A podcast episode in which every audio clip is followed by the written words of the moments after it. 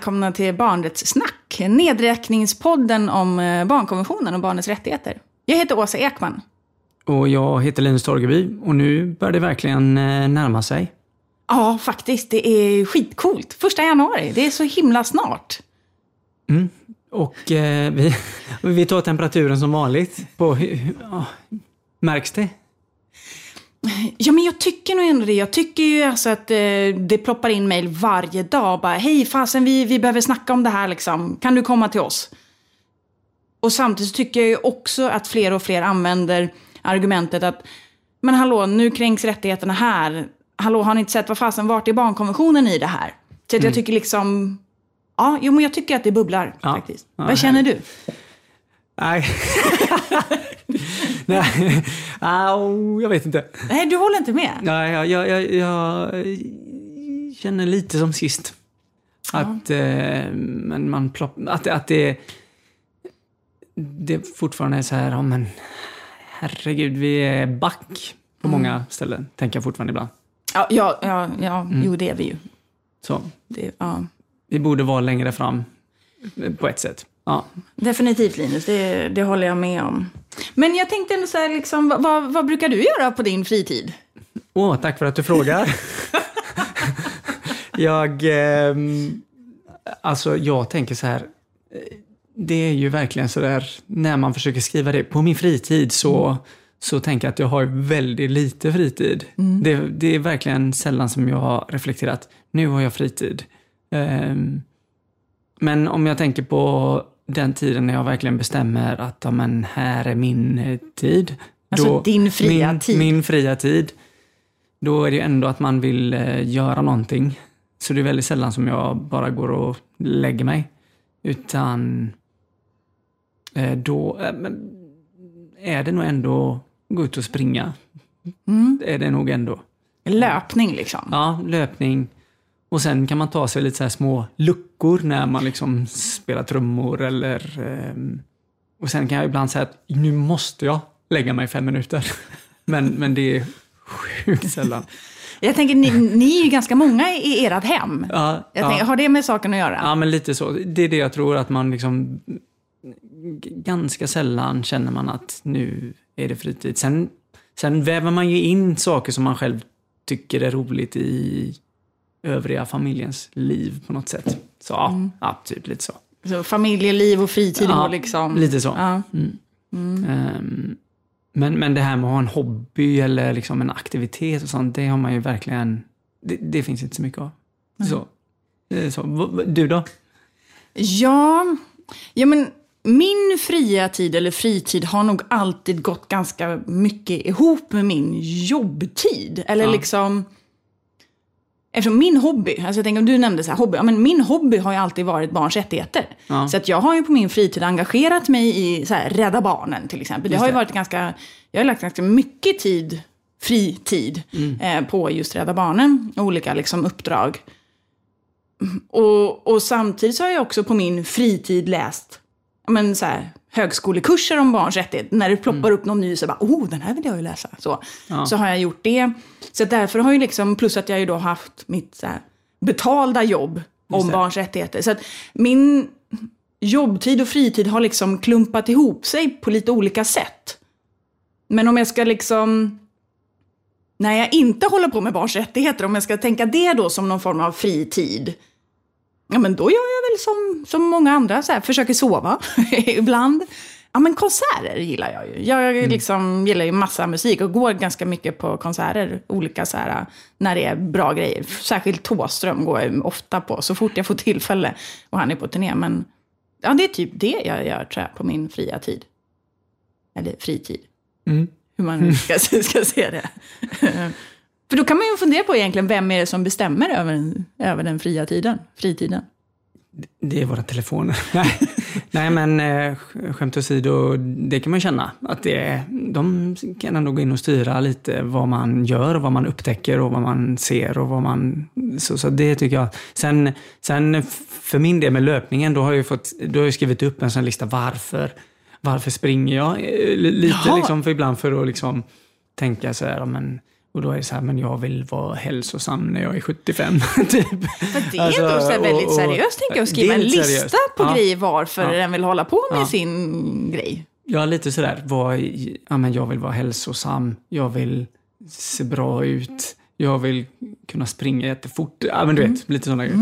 Och också då att man ser att men jag springer inte för detta. Också, Ja, till alltså, så exempel. ge den meningen. Ja, ja, liksom. men lite så. Jag springer inte för att jag vill eh, tävla eller göra rekord. Typ. Ja, ja, men lite så. Så lite har jag ändå så här, en lista som bestämmer vad jag gör. Och då tänker jag lite så här, har...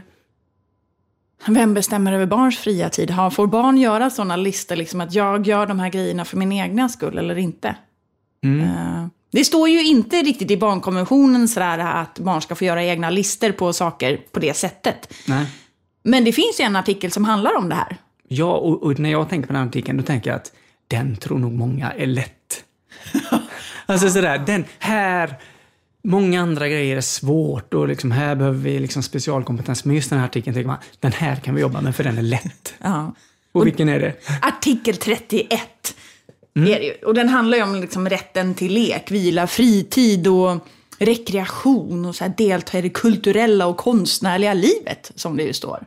Faktiskt. Ja. Eh, ska vi säga någonting om liksom lite mer vad som står? För det står ju att, ja, men att vi ska både, alltså, erkänna den här rättigheten till då både vila, fritid, lek och rekreation. Och att det ska vara anpassat till barnets ålder. Men också att det ska, barnet ska här, fritt kunna delta i då det kulturella och konstnärliga livet. Men sen står det ju också att vi som liksom, ja men stat eller, ja, vi ska mm, ja, men någonstans möjliggöra för alla barn att till fullo kunna delta. Vi ska liksom skapa förutsättningar för att barn ska kunna delta. Och liksom uppmuntra det här och att barn ska liksom ges lika möjligheter att, att ha den här ja, men rekreation och fritidslivet, eller vad man nu ska säga. Mm. Det var den artikel 31, väldigt kort summerat. ja. Vad tänker du mer än att det är en sån grej som folk tänker så men den här är lätt? Nej, men jag, jag, jag tror att ehm, det här är ju på pappret någonting som sker hela tiden. Eh, och som folk slänger ut olika grejer som förverkligar detta på olika sätt. Och väldigt många barn gör ju allt det här. Ehm, och, och har lek och har vila och har fritid och, och på något sätt. Ehm, det finns ju en, en del av detta liksom som handlar om inte barn i Sverige så mycket, men barn kanske andra länder som tvingas arbeta. Alltså så där, där är ju liksom det ena spektrat. Men det är ju inte riktigt aktuellt i Sverige. Men, men jag tror att man tror att detta är väldigt lätt. Vi, vi tillhandahåller detta och så uppfylls den här rättigheten eh, per automatik. Så. Men så enkelt är det ju inte. Jag menar att den blir nästan som någon form av i Sverige, typ att så här, hej, det här är en lyxrättighet. Att Ja, du ska kunna få så. leka och vila. Ja, ja. Och det har vi plenty av. Ja, och samtidigt så tänker jag att vi får ju, alltså FN ger ju kritik till oss i Sverige för att vi inte tar den här rättigheten på tillräckligt stort allvar. Och då tänker jag liksom, nu är det inte det här som FN-kommittén har gett oss kritik, men eh, om vi tänker oss att om vi översätter liksom, ja men i Sverige så jobbar ju inte barn på det sättet, de tvingas ju inte till liksom barnarbete.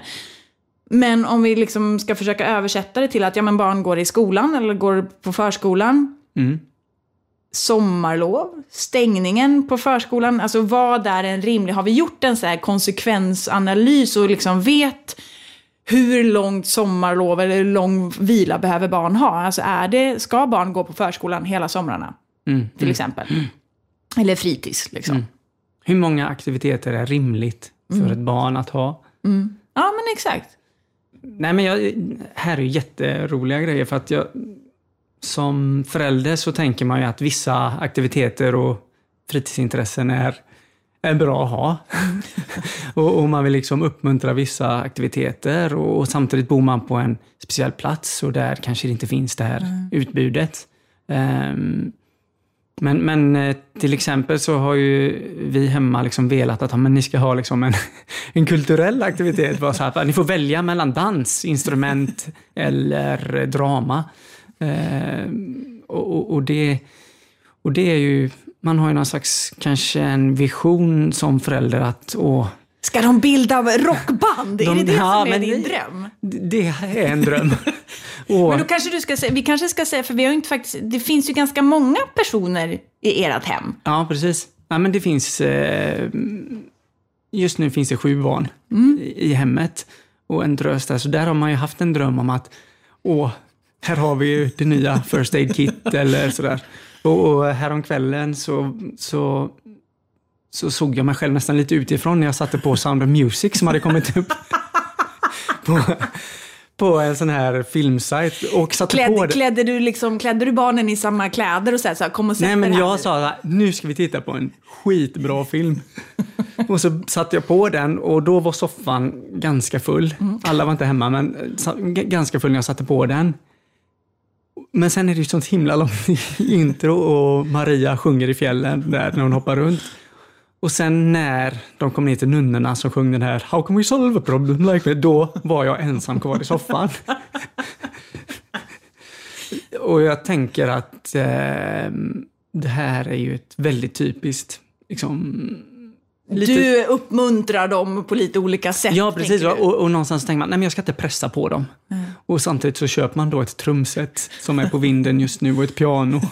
Och liksom sådär. Hur många instrument har ni Nej men vi har ju en, en himla hög alltså. Ni Men- har för att kunna sen- starta ett band Ja. alltså? Ja. Och, och i liksom den här, att bara hoppsan, här ligger instrument. Då gjorde jag, gick, gick vi och köpte ett tortyrredskap, visade Men sig. usch. Nästan. Nej, du? nej, det, det ska jag inte säga så. Men det var en xylofon. Och jag tänkte att det är ju väldigt trevligt, men alltså det låter ju fruktansvärt.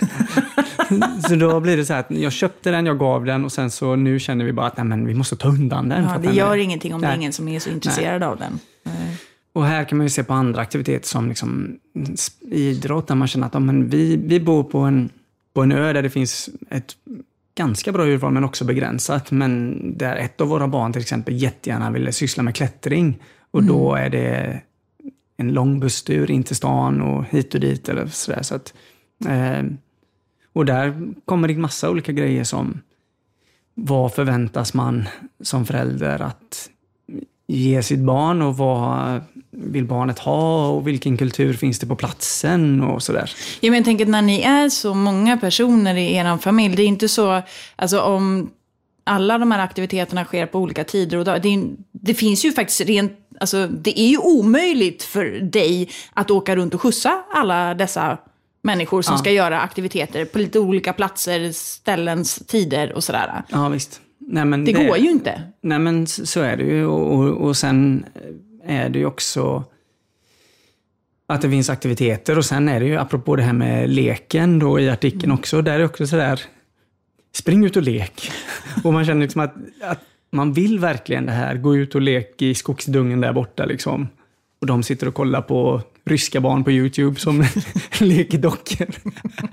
Det är ju skithemskt liksom, men, men det är jättemånga krockar i denna frågan och den är inte så lätt som man tror faktiskt.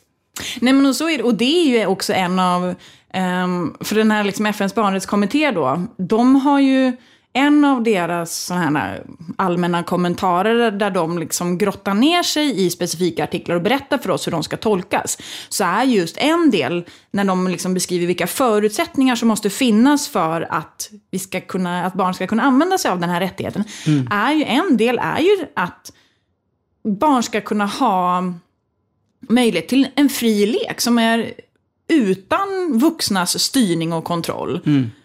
Och då tycker jag ändå att hur ofta är det barns egna fria lek? Mm.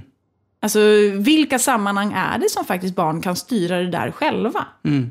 Ja, och där är ju verkligen, där tänker jag också att något som, ett begrepp som man använder är ju liksom det här med spontan.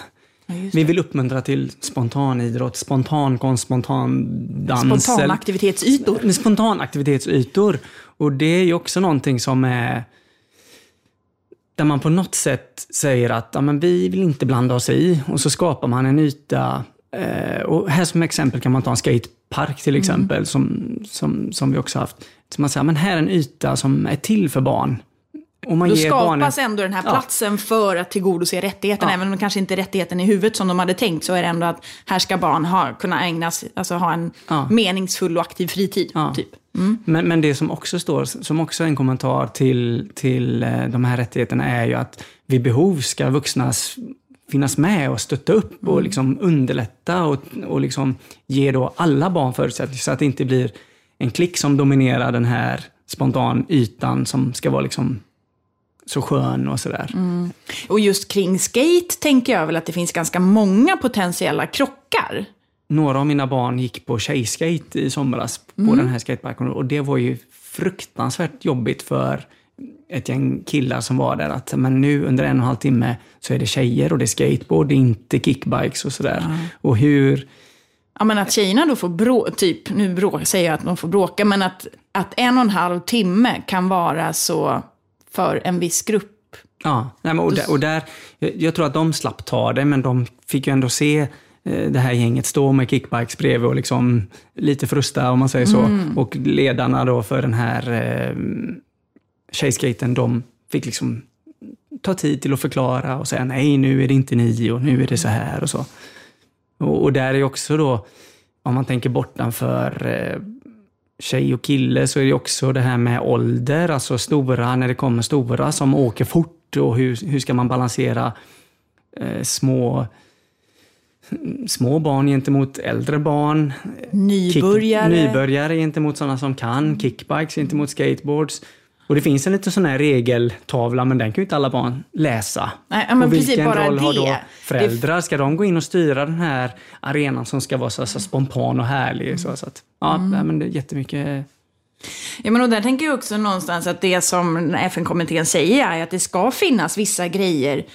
Alltså för att barn ska kunna använda sig av den här rättigheten så räcker det ju, ja, att det ska vara lättillgängligt och fritt från vuxnas kontroll och styrning. Ja, men det är en grej. Men det kan ju inte vara så hela tiden. Men det säger ju till exempel bara det att det måste ju vara en miljö som är liksom safe. Alltså, det ska inte finnas våld eller liksom mobbning, men också säker utifrån att säga att det är ja, men, trafikfara precis bredvid, då måste man ju lösa det. Eller liksom massa föroreningar. Alltså, det finns ju många aspekter i, för att det här ska vara en trygg och säker och utvecklande miljö för barnet så måste vi ha byggt massa grejer runt omkring det innan barnet ens kan använda sig av det. Och det är väl det tror jag som kanske du var inne på det här att den är inte så lätt som vi tänker. Nej.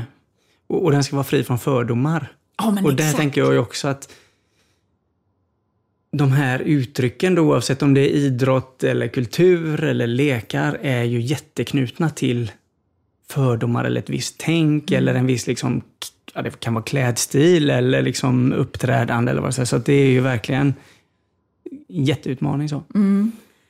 Ja, men och också det här att det ska vara, alltså att barn ska ha tillgång till en fritid som är fri, alltså totalt fri från liksom andra typer av krav. Och det tycker jag också man kan fundera på, för det, det är en sån grej som jag, många av de unga som jag har här, jobbat tillsammans med i olika kommuner när de haft olika, olika typer av uppdrag och sådär, så har just det varit en sån sak som många har lyft att ja, men jag vill jättegärna hålla på med den här idrotten, men då måste jag ju hålla på och tävla, jag måste vara med på matcherna. Jag vill göra det bara för att det är kul. Och då finns inte det liksom laget. Eller jag kan inte som 18-åring hoppa in i ett fotbollslag och aldrig ha spelat fotboll förut. Då, då får jag ju liksom inte riktigt vara med. Det blir ju jättekonstigt.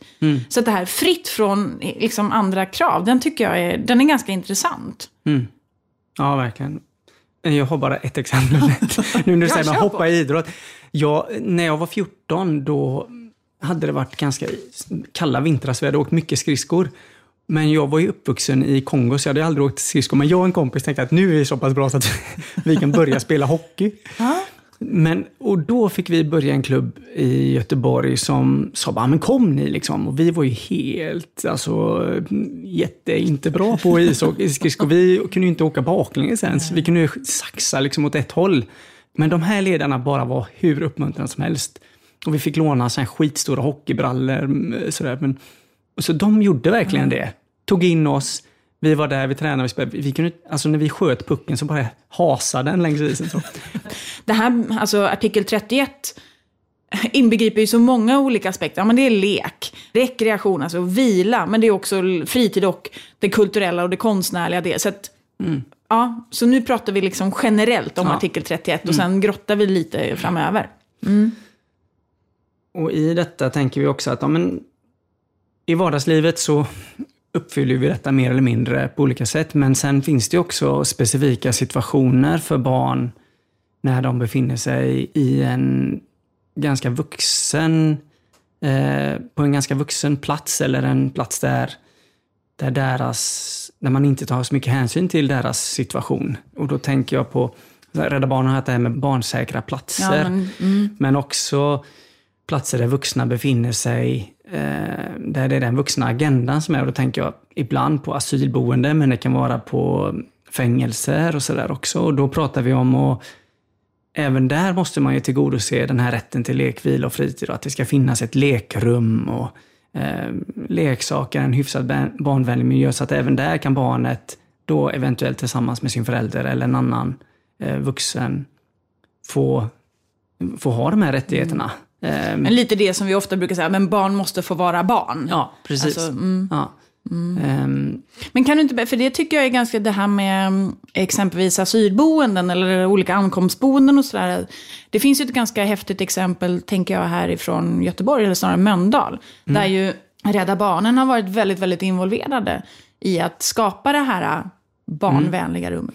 Ja, och där drev ju Rädda Barnen på, men också sen har det varit flera andra organisationer, mm. Mm. kyrkor och föreningar på olika sätt som bemannar ett rum som Rädda Barnen liksom gjorde ett stort lobbyarbete kring för att vara ett barnrum. Mm. Så att även om man är i en asylprocess där ofta vuxna är liksom eh, hela familjens språkrör och de som man liksom bedömer på, så, så ska ändå barnen få en timme eller två där man bara kan rita eller leka eller spela fotboll eller hålla på med ja, fri lek helt mm. enkelt. En lekhörna har det funnits så att man liksom inte styr helt och hållet så. Men, mm. ja. Så. Ja, och det tycker jag det är ganska häftigt, för det rummet har ju nu blivit ett ganska stort rum. Jag var ja. ju där för inte så himla länge sedan och ja, men så här, var volontär och helt mm. enkelt lekte med barn. Och då, det finns ju liksom allt ifrån, ja, men det finns ett pingisrum, sen finns det liksom ja, men massa olika typer av spel. Det finns ett konst där man kan liksom pyssla, måla, rita. Och, um, jag hängde just den kvällen väldigt mycket vid, vi byggde så här, torn och rasade dem och byggde torn mm. igen. Och så rasade vi ner dem igen och så tävlade vi lite tillsammans där. I, eller liksom vem som kunde bygga högst och sådär. Mm. Uh, och det är, alltså det är väldigt stor yta. Och sen så är såklart barnens vuxna där också. Men ja. de sitter det är liksom inte till för dem i första hand, Nej. utan det här är till för barnen. Liksom. Mm. Men det är ett helt fantastiskt, eh, det är inte bara ett rum, det är liksom en byggnad som mm. är deras.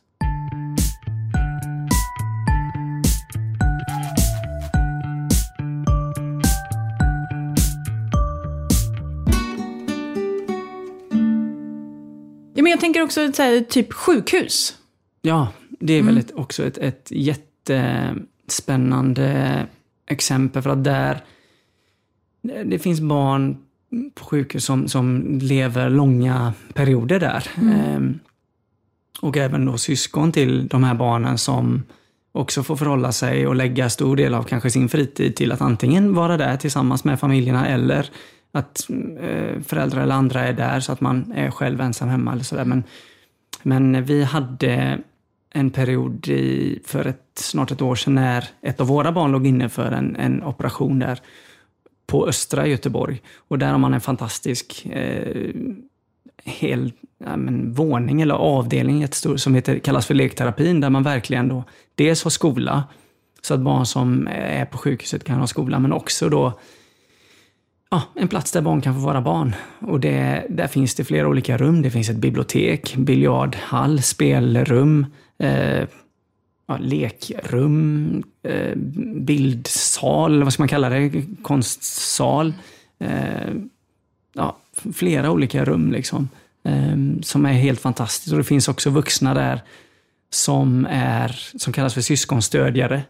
Mm. som på ett sätt då ska liksom leta upp de här barnens syskon och erbjuda dem liksom en bra fritid eller också, också specifikt se dem så att de är inte alls där för det barnet som behöver vård på olika sätt. Där, tänker, där måste de ju ha tänkt. Verkligen. Alltså utifrån ja. att, men precis som du säger, att alla barn ja. har de här rättigheterna. Ja. Att se alla barn. Eh, Fan vad bra, tänker jag. Ja, men det, och, och, och, och där kan man verkligen tänka liksom, ja men här är liksom barns situation ställt på sin spets. Så.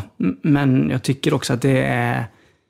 Och man jobbar verkligen liksom strukturerat med att följa upp sina mål. Når vi det här? Hur många eh, utlåningar har vi? Får alla vara med? Alltså, så här, jätteinspirerande att se den här platsen också, få vara där med barn och se att ja, men, syskonen till vårt barn som opererades, de liksom visste vad han hette, syskonstödjaren. Och, och han kom och frågade här och vi gick och spelade pingis. Och, alltså, så, men när man ser att ja, men, det här förverkligas. Liksom. Och att det, i en svår situation så underlättas det om man får ändå en meningsfull fritid eller lek, alltså aktivitet. Så.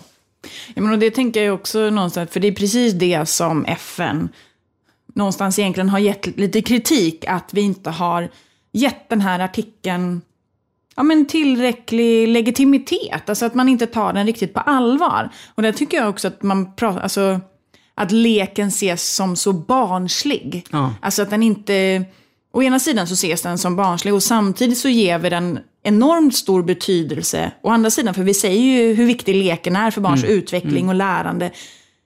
Men då kanske vi glömmer bort andra aspekter av artikeln, liksom, utifrån fritiden, vila, rekreation och sådär. Nu vet jag inte riktigt, nu tror jag att jag svamlade bort mig själv här. jag, hade, jag hade en tanke, men jag, jag tappade den någonstans. Men... ehm, Men kan vi, kan vi ge några tips eller råd om hur man ska liksom ta sig an den här eh, Ja, men jag tänk, ja. alltså jag tänk, I första hand så tänker jag att börja liksom reflektera kring det. Vem bestämmer över barns fria tid? Ja. Mm. Är det en fri tid? För det första, liksom, att ha det samtalet med barnen. Det tänker jag är det första. Mm. Alltså snacka med barnen och de unga. Va, vad är fritid för dem? Och liksom, vad är viktigt? Mm. Men jag tänker också det här att vi faktiskt behöver fundera på ja, men vilka förutsättningar finns för barn att kunna använda sig av de här rättigheterna. Mm. Ja, men lite som du sa, att, ja, men vilka möjligheter, ja men bor vi på en viss plats, ja men då kanske det bara är vissa fritidsaktiviteter som vi kan genomföra eller göra för att det är så långt bort. Eller det kanske kostar en jäkla massa pengar. Men är vi då en organisation som tillhandahåller olika fritidsaktiviteter så tycker jag att vi behöver fundera på kostnader till exempel. Jag tänker också bara som en sån här grej, om man nu ska liksom lyfta blicken ännu mer och tänka så här, um, typ kommunen så där, eller regionen beroende på vem som ordnar. Att, eh, Trafikverket gör ju massa olika, de så här mäter och tittar på hur, alltså barns skolvägar och sådär. Och, och i ganska många år så har ungefär en tredjedel av barn i förskoleålder, till och med nian, svarat att de upplever skolvägen som otrygg. Jag en tredjedel som tycker att skolvägen är otrygg, då tänker jag så här att om man tycker det på dagen eller på morgonen och så här på eftermiddagen när de går hem. Många fritidsaktiviteter är ju antingen på själva skolan eller så ligger byggnaden typ bredvid skolan. Om man då ska göra grejer på sin fria tid, typ på kvällen, så är det ju sällan man känner sig mer trygg på kvällen än vad de gör på dagen. Ja. Och då är det en sån grej vi behöver prata om, liksom. Mm. Tänker jag. ja, verkligen. Nej, men det, Vad tänker du att man ska liksom göra eller tänka? ur ett föräldraperspektiv så tänker jag ju verkligen att och, och, följa det som du sa, alltså, alltså att, tänk, att prata igenom det här med sina barn och också tänka och försöka liksom både liksom berätta för dem att det här är kul eller så här, men också vara beredd på att liksom kunna följa upp och stötta. Men sen också vara tydlig mot eventuella då aktiviteter. Att men, jag kan inte stå i kaféet och sälja det här, men kan mitt barn ändå få vara med? Liksom? För, för, för det är ju en sån punkt, tror jag, som förälder där man liksom fastnar på, på de praktiska grejerna eller ekonomiska eller tidsmässiga grejerna. Att, men, jag vill jättegärna att mitt barn, men jag vet att om det barnet eller om mitt barn ska göra detta så följer allt det här med också. Att det blir ett paket som är Det, svårt. det blir ett Ja. paket som kan vara svårt att liksom uppfylla. Och Som då, inte bara handlar om barnet. Nej, och då som förälder väljer man bort det, men det vi vet är ju också att barn vet ju också vad föräldrar klarar av eller inte kan, så då väljer de också bort det här då som Precis. de egentligen kanske hade velat göra. Liksom. Så, så, så det tycker jag är, är viktigt och, och det är där det är så viktigt att jobba med det här tillsammans och sådär. Ja, och det finns fantastiska grejer med föreningslivet. Men det här är väl verkligen någonting som vi behöver kombinera upp nu och jobba mer med tror jag. Eh, att, att stärka upp kanske ja, men då kommunen eller andra aktörers liksom, eh, insats kring detta. Så att det inte bara landar hos ideella att uppfylla Ja, det men här. exakt. Ja.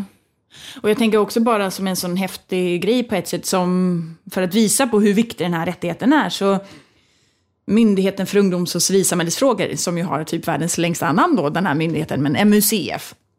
De gör ju också massa så undersökningar där de, och då handlar det främst om ungdomar. Då är det oftast tänker de sig typ ja, men 16 till 25 eller 16 till 29 är ofta den kategorin. Och då har de gjort en undersökning som visar att var sjätte ung person säger att just fritiden är det som ger livet mest mening. Mm.